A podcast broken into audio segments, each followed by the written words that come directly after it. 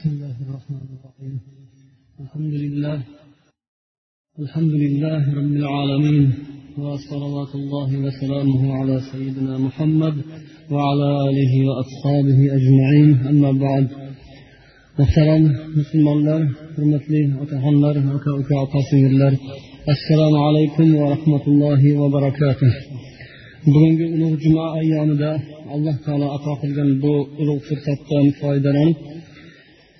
har galgi odatimiz kabi alloh taoloni kalomidan ma'nolaridan bahramand bo'lishda davom etamiz.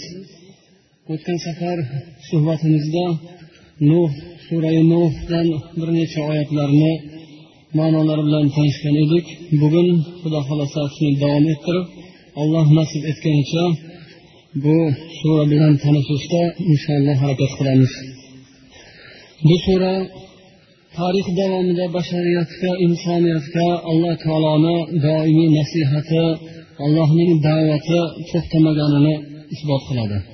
Bizdan necha ming yillar oldin o'tgan bashariyatni ikkinchi otasi deb aytiladigan hazrati nuh otamizni zamonlarida bo'lgan voqealarni alloh taolo bizga eslatyaptiki bu risolat payg'ambarlik allohning da'vati bu yer yuzida hayot boshlangandan buyog'ida bor. Yer yuzida insoniyat qadam qo'ygan kundan boshlab alloh ularni bekor tashlab qo'ygan emas ularga doimo nasihatini pandini vahyini yuborib turgan. Ammo odamzod hamma vaqt ham alloh taoloni bu yaxshiligini to'g'ri ma'noda qabul qila olgan emas allohni yo'liga yurganlar ham bu yo'ldan bosh tortib nonko'rlik qilganlar ham bo'lganligini tarixda mana shu oyatlardan biz eslayapmiz. Jumladan hazrati nuh otamiz ham uzoq yillar to'qqiz yuz ellik yil davomida da'vat qildilar. Da'vatlarida u kishi nihoyat darajada sabr bardoshni namunasini ko'rsatdilar. To'qqiz yuz ellik yil davomida mashaqqat bilan hamma yo'l yo'riqlarni ko'rsatib o'zlarini imkoniyatlarida bo'lgan hamma uslublarni ishga solib biron bir chorani qoldirmasdan odamlar yig'ilgan joyda ham odamlarni uylarida ham jamoat jamoat qilib ham yakka yakka ham sekin ham qattiqroq qilib ham qo'llaridan kelgan ishni hammasini qildilar.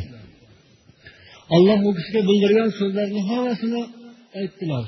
Odamlarni da'vat qilishda turli xil hujjatlarni dalillarni keltirdilar. o'sha biz o'qib o'tgan oyatlarda u kishi o'zlarini har bir insonni o'zini o'zi bir taammul tafakkur qilib ko'rishga undadilar. Ya'ni ma lakum la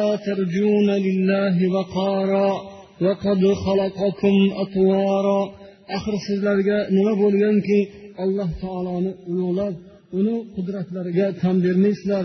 Alloh taoloni qudratlarini mana shunday yaratib qo'ygan mo'jizalarini nima uchun tan olmaysizlar bu haqda fikr yurg'izmaysizlar degan ma'nolarni yetkazdilar. Olloh sizlarni bosqichma bosqich qilib yaratgan. Ya'ni inson onasini qornida shunday odam shaklida birdan paydo bo'lmasdan oldin u suv bo'lishi undan keyin esa ivigan qonga aylanishi undan keyin u go'shtga keyin suyak keyin mana bu a'zolari sekin astalik bilan paydo bo'lishi bu nihoyat darajada bir qudrat ulug' bir mo'jizaki. Buni agar tafakkur qilib o'ylagan odam bunga aqlini bir ishlatgan odam albatta buning sohibi yagona bir qudrat egasi bo'lgan yakka yagona alloh taolo ekanini tan olmasdan iloji yo'q. Shuning uchun ularni aqliga ularni ilmiga ishorat qildilarki agar inson ilmini aqlini ishga soladigan bo'lsa bir tafakkur qilib ko'radigan bo'lsa alloh taoloni mana shu o'zidan ham topishi mumkin ekan.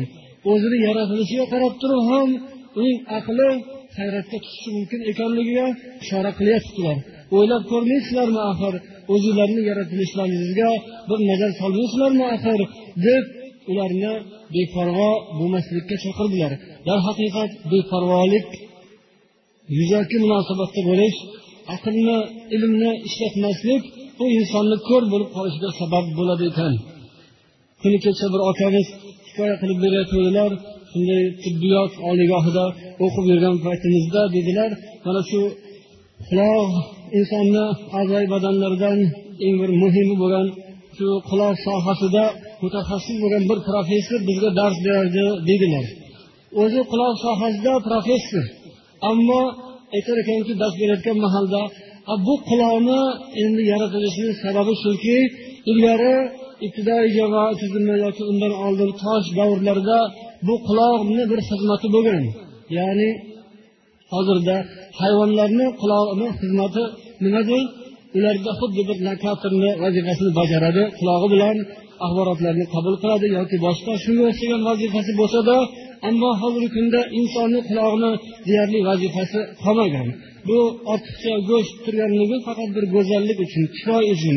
Insonga bir tashqi suratini chiroyi uchungina bor xolos uni boshqa vazifasi yo'q deb aytardi deydilar ammo bunday o'ylab ko'riladigan bo'lsa ana shu quloqni o'zida o'sha otamizni aytishlariga qaraganda insonni butun a'zoyi badanidagi hamma bor yaratilgan olloh yaratgan a'zolarning hammasiga mana shu quloqdan boradigan shunday bir aloqa borligi. Quloqda insonni xuddi onani qornida yotganga o'xshagan bir shakli tushirganligini aytyaptilar haqiqatdan ham insonni shunday qulog'ini tuzilishi shakli ona qornida yotgan bolaga o'xshar ekan.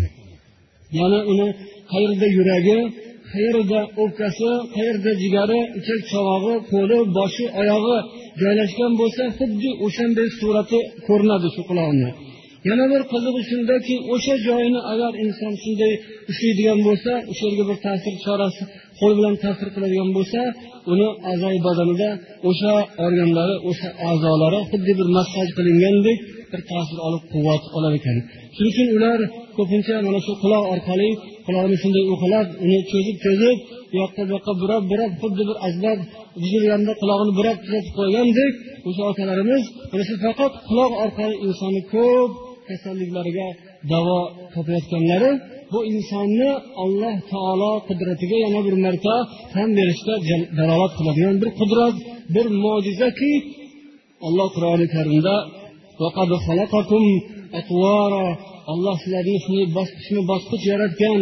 Endi o'ylamaysizlarmi? Nahot shu narsalarga aqllaringiz yetmaydiyu dinsiz xudosiz bo'lib dunyodan iymonsiz bo'lib do'zaxga ketib qolishlaringiz axir bu achinarli hol emasmi deganday qilib hazrati nuh payg'ambar ham o'zlarini zamondoshlariga da'vat qilgan ekanlar. Undan keyin esa atrofni o'rab turgan mavjudotlarga ishora qiladilarki ألم تروا كيف خلق الله سبع سماوات طباقا وجعل القمر فيهن نورا؟ وجعل القمر فيهن نورا وجعل الشمس سراجا axir ko'rmaysizlarmi? Alloh taolo bu yetti osmonni qanday qilib ustma ust qilib tabaqa tabaqa qilib yaratib qo'yganini. Va ana shu tabaqotlar bilan iborat bo'lgan osmonlarda oyni olloh nur qilib yaratganini va quyoshni esa chiroq qilib xalq qilib qo'yganini ko'rmaysizlarmi? Deb xudoga ishonmagan alloh taolo qani xudo qayerda turibdi? deb munkir bo'layotgan ma'naviy ko'r bo'lib qolgan odamlarga qaranglar atrofinglarga qaranglar. Axir bu narsalarni alloh taolo qanday yaratib qo'yganiga aqllaringizni yurg'izmaysizlarmi deydilar. Ya'ni allohga chaqirishni yo'lida da'vat qilish uslublarida mana shu narsalarga insonlarni agar e'tiborlarini jalb qilinsa bu ham inshaalloh bir yaxshi natija beradigan alloh taoloni qudratini namoyon qiladigan allohni borligini ko'rsatadigan dalili hujjatlar mana shular. Har bir narsani hujjati dalili bo'lganidek sizlarni so'zingizni isboti dalili bo'lganidek alloh taoloni ham mavjudligini isboti dalili ana shu atrofimizni o'rab turgan mavjudotu maxluqotlar. Olimlarni aytishlariga qaraganda osmondagi mana bu ikkita yoritgich biri quyosh ikkinchisi oy alloh taolo oyni nurini ketkazib faqatgina quyoshni aksini ko'rsatadigan qilib qo'ygan. Shuning uchun bu yerda alloh taolo o'sha osmonda oyni nur qildi. Ya'ni nur o'zidan hosil bo'lmaydi o'z o'zidan balkim boshqa bir narsadan chiqqan u nur deyiladi. Ammo quyoshni esa chiroq qilib yaratdi. Chiroq o'zidan nur taratadi nur qaysidir bir joydan chiqadi shu chiroqdan chiqadi. Oyni nur dedi quyoshni esa alloh taolo chiroq dedi. Bu bilan oy o'zidan nur taratmasligini mana shu oyatdan ham biz bilib olishimiz mumkin ekan. Allohni kalomiga ishongan odamlar demakki qachon bu kosmik kemalar yaratilgandan keyin yoki teleskoplar ixtilo qilingandan keyingina bilganlari yo'q bu oyni nurni faqat qaytaradigan aks qaytaruvchi bir jism ekanligini yoki quyoshni o'zidan nur chiqaruvchi bir jism ekanligini musulmonlar demak mana shu qur'onlari yordamida bundan ming to'rt yuz yil oldin bildilar u kosmosni tadqiq qilgan olimlardan ham ko'ra ming yillar oldin. Demak bu ma'lumot musulmonlarga oddiy bir ma'lumot bo'lganligini mana biz bu yerdan isbotini ko'rishimiz mumkin. Mana shu narsalarga aqllarini yurg'izgan odamlar insof qilgan odamlar alloh taologa iymon keltirishlari lozim ekani chiqadi.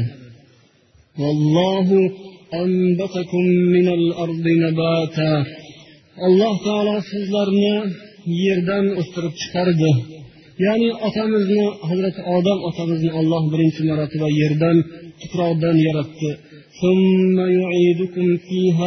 Keyin yana sizlarni shu yerga olloh qaytaradi. Qiyomat kuniga borganda yana qaytadan shu yerdan sizlarni alloh taolo chiqaradi. Insonni olloh yerdan o'stirib yana yerga qaytarib qiyomat kuni yana yerdan chiqaradi ekan. Atrofimizga qarasak har kuni o'sib turgan bu millionlab turli xil o'simliklar dov daraxtlar qiyomatgacha nechi ming marotaba nechi yuz ming marotaba o'sha bo'ladigan ishni oldindan takror takror takror bizni ko'zimizga ko'rsatyapti ya'ni shunday qurib yotgan yer muzlab yotgan yer bahor bo'lishi bilan bir tomchi suv osmondan kelishi bilan u darrov harakatga kelib u yerdan bir ko'kat paydo bo'ladi. Keyin o'sadi unadi uni poyasi bo'ladi gullaydi meva qiladi mevasi pishadi to'kiladi bargi sarg'ayadi. Kuz bo'lib u daraxtga biroz ta'sir bo'ladi barglari to'kiladi. Qish deganda keyin daraxt yana taqataq amaldan to'xtaydi. Yoki yerdan chiqayotganlar ham shunday. Oldin o'simlik uni o'sha bargi keyin guli mevasi quriydi shu bilan qish bo'lib qor yoqqandan keyin yo'q bo'lib ketadi. Bahorga borgandan keyin yana qaytadan o'sha yo'q bo'lgan narsa o'lgan narsa qurigan narsa ya'ni o'simlikni qurishi o'lishi. Inson xuddi o'lgandagi holat o'simlik qurib qolsa u o'ldi. Ammo shu o'lgan o'simlikni hech qaysi doktor hech qaysi bir odam deyilib tiriltirgan yo'q ukol qilgani yo'q dori bergani yo'q hech narsa qilmadiku. Ammo alloh tomonidan bir tomchi suv kelishi bilan yana qaytadan jonlari harakatlanib yerdan yana o'sha ko'm ko'k barg yana gul yana meva paydo bo'ladi. Mana bu ko'z o'ngimizda har yili takror bo'lib turibdi. Qanday qilib inson qaytadan tirilishi mumkin? Ha insonni qaytadan tiriltirish insonni qo'lidan kelmaydi odamni qo'ldan kelmaydi. O'simlikni ham qaytadan tiriltirish insonning qo'lidan emas balkim alloh taoloni qo'lidan keladigan bir qudrat mo'jiza. Shunga o'xshash har yili o'lib qurib yo'q bo'lgan narsa yana qaytadan o'rnidan turgani yashnagani tirilgani kabi alloh taolo ham insonni yaqinda qaytadan tiriltiradi. Inson ham xuddi o'simlikka o'xshab tug'iladi kichkina bola bo'ladi. U endi maysa bo'lib turgan holati inson son poyasi mustahkam bo'lgandek inson ham kuchga to'ladi quvvatga to'ladi. Ya'ni uni bahori o'tib yoz keladi. Yoz kelganda o'simlik quvvatlangandek inson ham baquvvat bo'ladi yigitlik vaqti keladi. Ana kuz keladi kuzda mevalar hosillar yig'ishtirilganidek inson ham yigitlik vaqtida pishib yetilib erkaklik davriga yoki o'rta yoshlik davriga o'tganda u ham meva bera boshlaydi xizmat qiladi aqli bilan harakati bilan ko'p yaxshi kashfiyotlarni qiladi xalqqa foydasi tegadi o'zidan bir narsa qoldiradi mevasini qoldiradi. Keyin o'tib qish degandan keyin a'zoi badanlari hammasi titrab qaltirab barglari to'kilib mevalari ham to'kiladi. Ya'ni keksaygandan keyin endi u odam katta bir natijalarga erisha olmaydi. Balkim shu qilgan ishlarini o'ylab uyog'iga endi taqdirga tan berib asta sekinlik bilan yaratganni huzuriga ketishga tayyorgarlik qilib turadi. Daraxtlar ham xuddi shunday mevasi to'kilib shox shabbalar hammasi qurib yana qorni tagiga ko'miladi yerni tagiga ko'milib vafot etib yotadi. Shu bilan oradan biroz vaqt o'tib o'tmasdan qish o'tib bahor keladi. Inson ham qabrga kirgandan keyin oradan uncha vaqt ko'p o'tmaydi.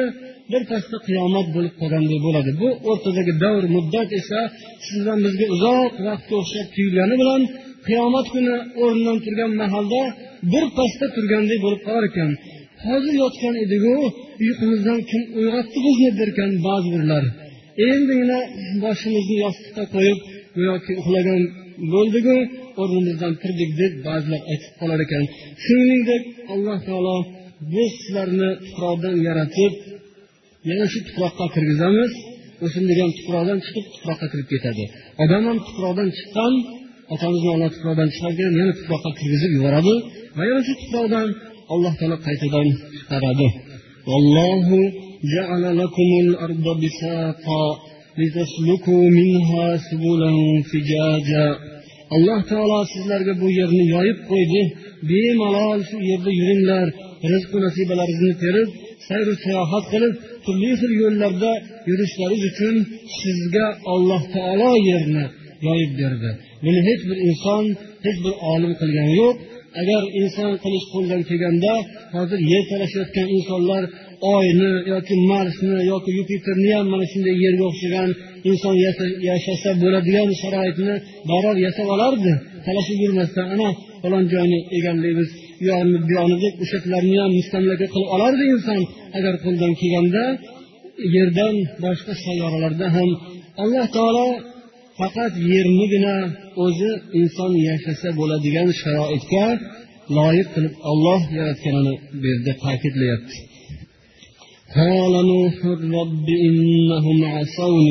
bu so'zlarni hammasini nuh payg'ambar qavmlarga o'sha zamonda yetkazgan ekanlar. Shu ma'nolarni ta'kidlab mana alloh taolo sizlarga shuncha yaxshilik qildi. Nega ibodat qilmaysizlar alloh taologa iymon keltirmaysizlar dedilar. Ammo qavmlari ular ma'naviy ko'r odamlar bu da'vatlarga quloq solmadilar nuh payg'ambarga itoat qilmadilar. Shundan keyin u kishi alloh taologa shikoyat qildilar. Odamlarga emas o'zlaricha dodu faryod qilib o'zlarini o'zlari urib so'kmadilar. O'zlarini o'zlari ezilib boshi qilmadilarda hamma shikoyatlarini dardu hasratlarini alloh taologa bayon qildilar aytdilarki قال نوح رب إنهم عصوني واتبعوا من لم يزده ماله وولده إلا خسارا ey robbim bu odamlar menga isyon qildilar menga bo'ysunmasdan bosh tortdilar va bola mol dunyosi bola chaqasi tufayli husronga ketgan tug'yonga ketgan odamlarga ergashib ketdilar.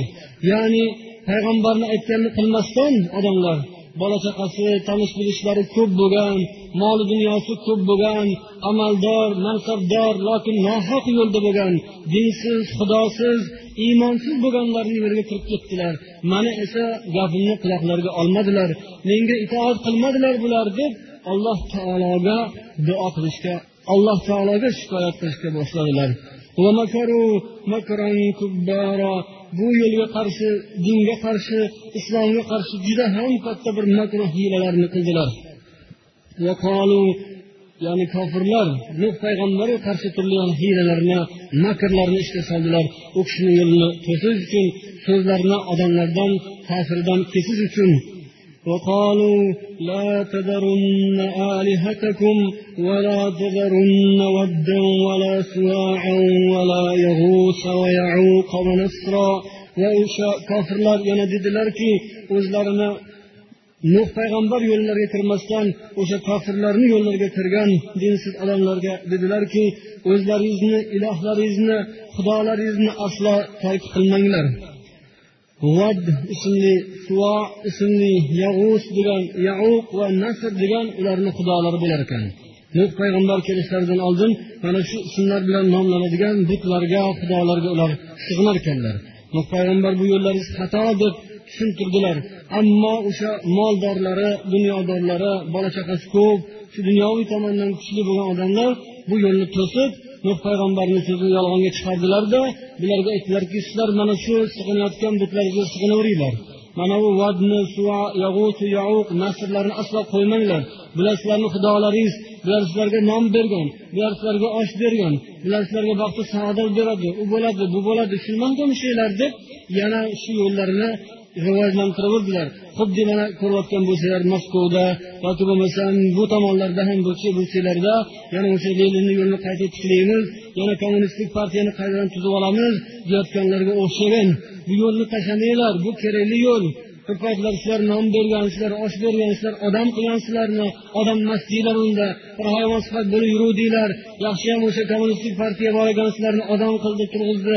Endi odam bo'lib olib tanimay qoldilarizmi degandek qilib yana o'sha xudolarga sig'inishni yana o'sha necha o'n yillab toshga cho'qinib o'shanga olib borib moli dunyosini o'shani oyog'ini tagiga gulchambar qilib qo'yib olov qilib yoqib yoki boshqa ibodat qilib sig'inib kelingan butlarni yana tiriltiramiz yana qaytadan bularni yo'lini o'tkazamiz deyotganlar bo'lganga o'xshash o'sha vaqtda ham nuh payg'ambarni zamonlarida eski yo'llaringizdan qaytmanglar mahkam yopishinglar degan odamlarni bo'lganini alloh taologa shikoyat qilib nuh payg'ambar ayta boshladilar. Ular ko'p odamlarni yo'ldan chiqarib yubordilar. O'sha butlarni sabab qildilar leninni mana ko'tarib turdilar marksni ko'tarib turdilar englisni o'rnatib qo'ydilar stalinni ko'tarib qo'ydilar ularni shu haykallarini odamlarni shu bilan aldadilar. Mana bu bizga baxt beradi saodat beradi shuni yo'li to'g'ri yo'l eng u yashadi. Yashayapti yashaydi. Uni yo'li nihoyatda to'g'ri sizga u beradi bu beradi baxtli bolalikni bergani uchun falonchiga ming rahmat deb hammani shunga sig'intirdi. Aslida bu bolalikni kim berdi? Qani bolasi yo'qqa birontasi leninni qabrini ziyorat qilganda bola tug'ilib qolganmidi? Farzand ko'rmaganlar. Yoki baxtsizlar kasallar leninni qabrini borib ziyorat qilib kelsa kasalidan tuzalib qolganmidi?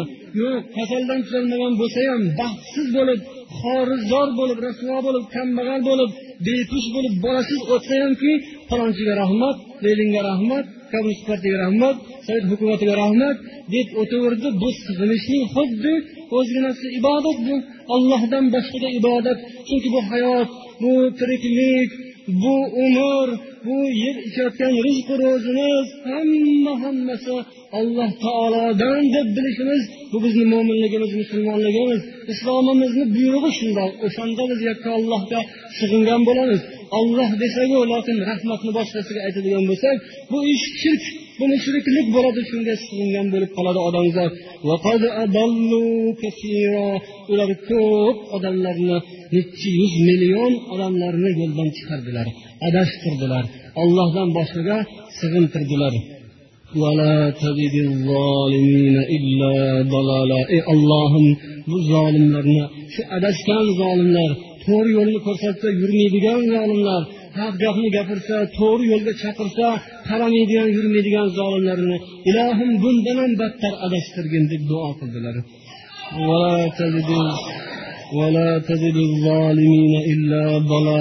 Adashib adashib oxiri oxiri bir halokatga bir rasvolikka oxiri bir jarga qulab ketadi. Adashgan odam agar adashganini tan olmasa to'g'ri yo'lga yurmasa oxiri borib halokat bo'ladi yo'qqa chiqadi nuh payg'ambar shuni aytdilar ilohim bular quloq solmadilar endi shu adashganlarni ilohim o'zing adashtirib yana ham shu adashgan oxir halokat bo'ladigan qilib yuborgin dedilar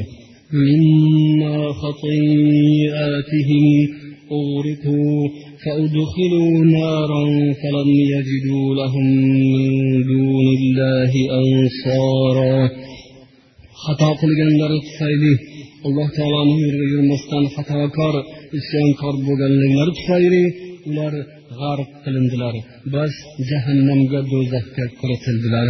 Endi ular alloh taolodan boshqa hech qanday yordamchi topa olmadilar. Ya'ni ish tamom bo'ldi nuh payg'ambarning duolari qabul bo'ldi. Alloh taolo ular ustiga to'fon yubordi daryolar tosha boshladi dengizlar toshib chiqa boshladi osmondan yomg'irlar quyila boshladi. Qayerdan kelganini bilmay qoldilar. Hech bu narsani ular hayollariga keltirmagan edilar. Hech bunaqangi kattakon davlatimiz yo'q bo'ladi deb o'ylamagandilar.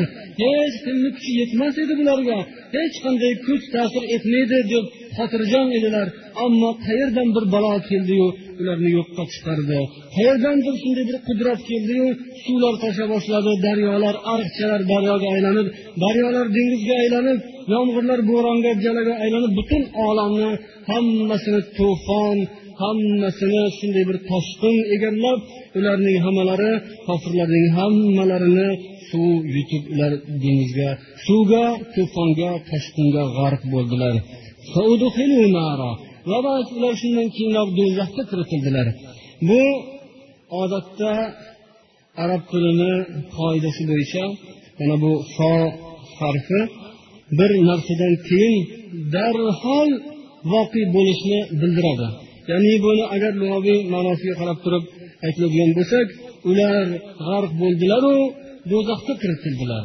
G'arq bo'lishlari bilanoq do'zaxga kiritildilar degan ma'no chiqadi ammo ular g'arq bo'lganlaricha hali qiyomat bo'lgani yo'q. Hali do'zaxga kiritilganlari yo'q. Ammo o'sha g'arq bo'lish bilan do'zaxga kiritish o'rtasidagi masofa qancha olis uzoq bo'lsa ham alloh taoloni nazarida hech narsa emas. Juda ham bir qisqa muddat. Yoki bo'lmasam jahannamga kiritilgan paytlarida ularga xuddi shunday tuyular ekanki g'arq bo'ldilaru do'zaxga kirib ketdilar. Yoki bo'lmasam o'sha g'arq bo'lgan odamlarning hammalari albatta do'zaxga kiradigan odamlar. Boshqa yo'l yo'q. Ular bu dunyoda ham azobga qoldilar. Bu dunyoda ham xor bo'lishdi. Bu dunyoda ham sharmanda bo'ldilar. Rasvo bo'ldilar. Fosh bo'ldilar. Ularni yuzlari shu dunyoda qora bo'ldi xudoga shukurki ana shunday dinsiz kofirlarni alloh taolo u yoqqa olib borib qiyomatda fosh qilib o'tirmadiyu shu dunyoda fosh qilib yuzlarini qaro qilib sharmanda qildi. Endi u dunyodagisi ham aniq ekanligini aytyapti. G'arq bo'ldilaru do'zaxga kirdilar. Ya'ni yaqinda do'zaxga albatta kiradilar degan ma'noda.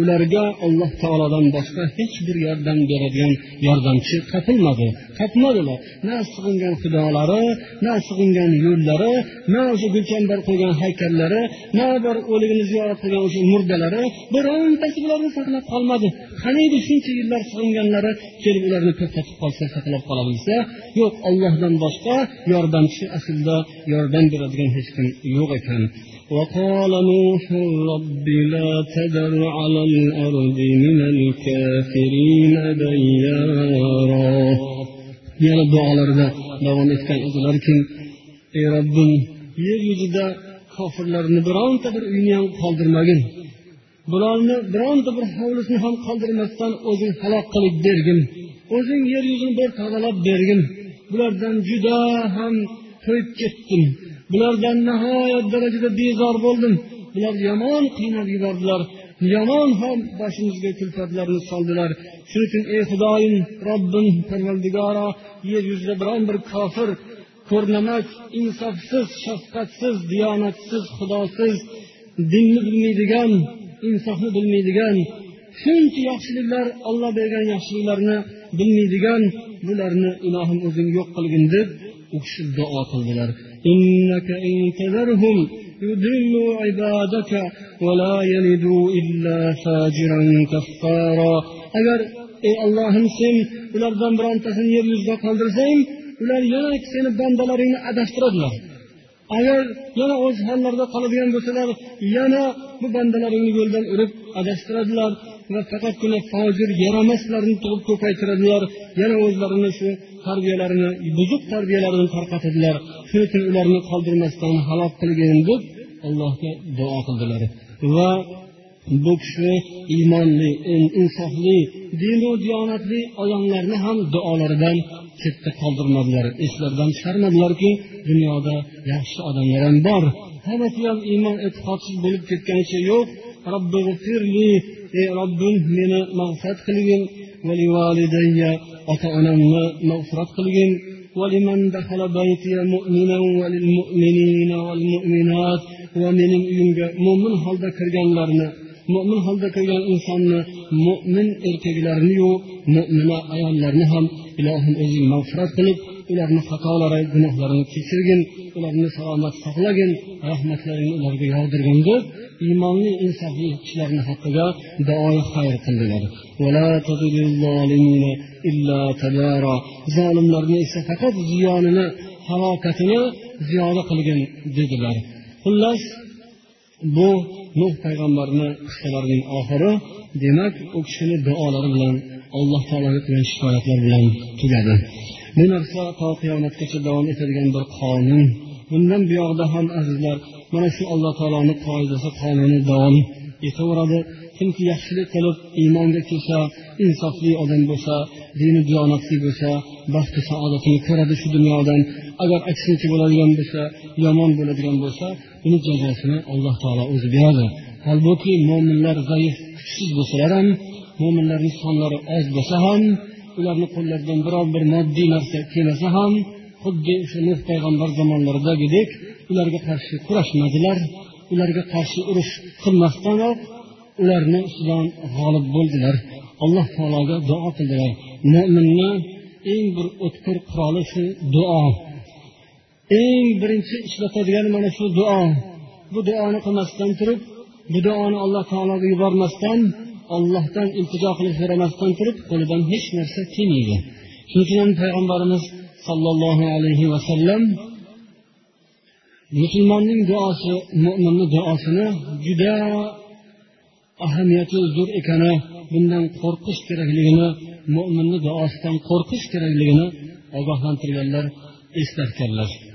Ayniqsa mazlumni duosi qaytarilmaydi deganlar zulm ko'rgan mazlum bo'lgan jabr sitam ko'rgan odamlar duo qilsalar ular bilan olloh o'rtasida parda qolmagan bo'ladi.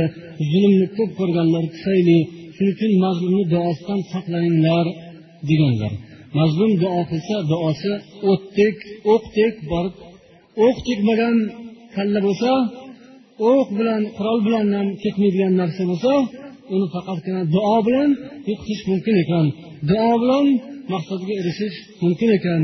Shuning uchun mana shu duoni hammamiz duo qilishni allohga chinakamiga yolborishni haqiqiy duo bilan iltijo bilan alloh taolodan yordam so'rashni ham qo'limizdan keladigan bo'lishimiz kerak ekan.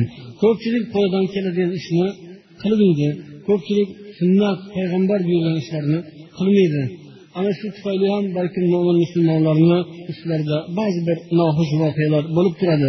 Shuning uchun ham biz mana bu berilayotgan savollardan ham shunday bir xulosalar qilish mumkinki hanuzgacha ba'zi joylarda burchak burchaklarda joy joylarda ho ishxona ho o'quv maskanlarida o'quvchilarga yoki boshqa kishilarga ibodat qilganlari uchun musulmon hayotini kechiraman musulmoncha hayot kechiraman deganlari uchun yoki islomiy libosda yurganlari uchun bo'layotgan tazyiqlar qo'ldan kelgancha uni himoyasini qilish kerak ammo duoni esdan chiqarmaslik kerak.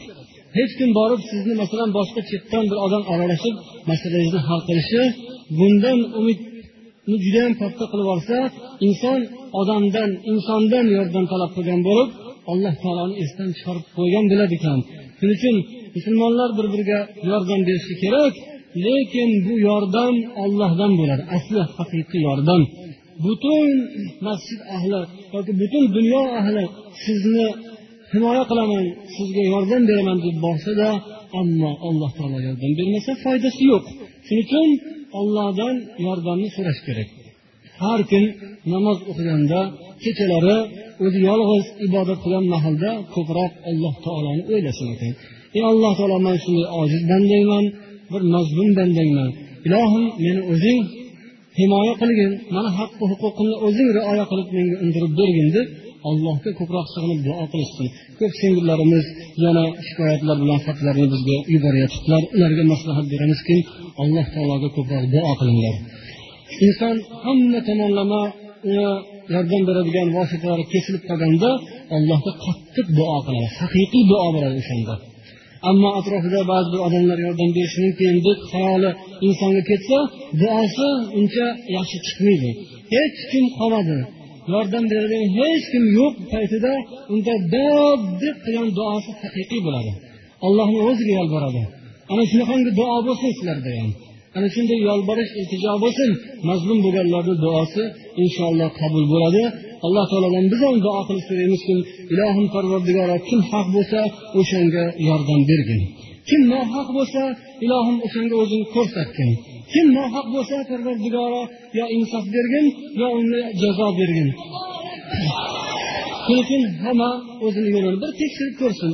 Aytayotgan so'zi qilayotgan ishi ollohni so'ziga to'g'ri yoki noto'g'rimi qur'onga muvofiq bo'lsa uni so'zi haq. Qur'onga teskari ishni buyurayotgan bo'lsa u nohaq. O'sha nohaqni biz alloh taologa topshirib yaxshi duo qilishimiz kerak. Chin vujudimiz bilan alloh taolodan qattiq iltijo qilib so'rasak xudo xohlasa mushkulotlarimizni alloh taolo oson qilib berishi shu duodan inshaalloh boshlanadi. Endi vaqtimizni qolgan qismini bu savollaringizga javob berishga avvalambor o'tgan jumlalarda berilgan savollarni jamoldan boshlaymiz. Ba'zilar masjidga kelayotgan qizlar yoki boshqa opalarni kiyimlari haqida mulohaza bildiribdilarki yasam qilib keladiganlari ham borlar deb. Albatta bu o'rinli mulohaza masjidga ayollarni kelishdan biz kutgan maqsadimiz ularni masjidga kelishlaridan kutilgan yaxshilik bu ularni kiyimlarini bu yerda olib kelib ko'rsatadilar degan narsa emas balkim kiyim kiyishni o'rganadilar. Musulmoncha libos bilan yurishni o'rganadilar degan hikmat bor. Agar bu hikmat bo'lmas ekan unda masjidga ayollarni kelishi nomuvofiq deb topiladi. Masjidga unaqa yasam pisam qilib kelgan xotinlarni qizlarni kiritilmaydi. Masjidga kelsalar o'sha odmi sodda sipo sidirg'a kiyimlarni kiyib kelishlari kerak. Gullik bezangan har xil upa yoki boshqa taqinchoqlar bilan masjidga kelish bu gunoh harom hisoblanadi. Nafaqat masjidga balkim ko'chaga ham yasan tusan qilib chiqishlik zebu ziynatlarini uydan ko'chaga olib chiqib o'zini bozorga solishlik bu qattiq gunoh. Payg'ambar alayhissalom buni ham zinodan ma'lum bir hissa deb ta'kidlaganda ehtiyot bo'lish kerak. Nikoh kunida kelin kirib ketgandan keyin oyna bilan qur'on olib kirish bu ham shariatda yo'q narsa. Qur'onni bunaqangi qandaydir bir tor maqsadlar yo'lida ishlatish xizmatkor qilib qo'yish gunoh bo'lib qolishi mumkin. Chorsu metrosida mushukshod kitobi sotilyotibdi bunga nima deysiz faqat chorsu metrosida emas balkim juda ko'p kitob do'konlarida afsuslar bo'lsinki rasmiy kitob do'konlarida bidat xurofot kitoblari odamlarni yo'ldan dindan uradigan yo'ldan ozdiradigan kitoblarni sotib yotishibdi teppasiga yozib ham qo'ygan navronni har musulmonlari diniy boshqarmasiga qarashli kitobxona deb yozib qo'yganligi bu ortiqcha endi ularga hech qachon o'sha mavrounnahr diniy boshqarmasidan shu kitoblarni yubormagan bo'lsada ammo ular o'sha diniy idorani ro'kach qilib uni soyasida o'zlarini tor harom manfaatlarini yig'ib yotishibdilar. Sotish mumkin bo'lmagan musulmonlar o'qishi mumkin bo'lmagan bidat xurofot odamlarni adashtiradigan kitoblarni afsonalarni bu sodda odamlarni laqillatib pullab yuz so'm ellik so'mdan kitob sotib yeb yurganlarni qorniga alloh taolo hali erta qiyomatda do'zaxni olovini to'lg'azib qo'yadi. Ular xudodan qo'rqsa o'sha kitoblarni darhol u yerdan olib qo'yishlari kerak. Katta katta qilib suratlarni payg'ambarni surati deb sotyapti.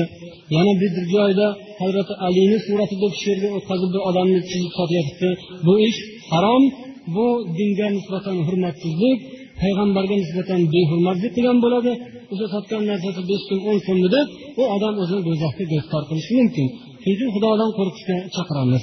Yana ba'zi bir kitobchilar chiqarishgan ichida yosin surasi yozilgan. Sura yosin surasini bir tomonida bitta odamni surati uni payg'ambar muhammad alayhissalom deb qo'yibdi. Ikkinchi tomonga yana bir suratni solib qo'ygan hazrati ali deb qo'ygan.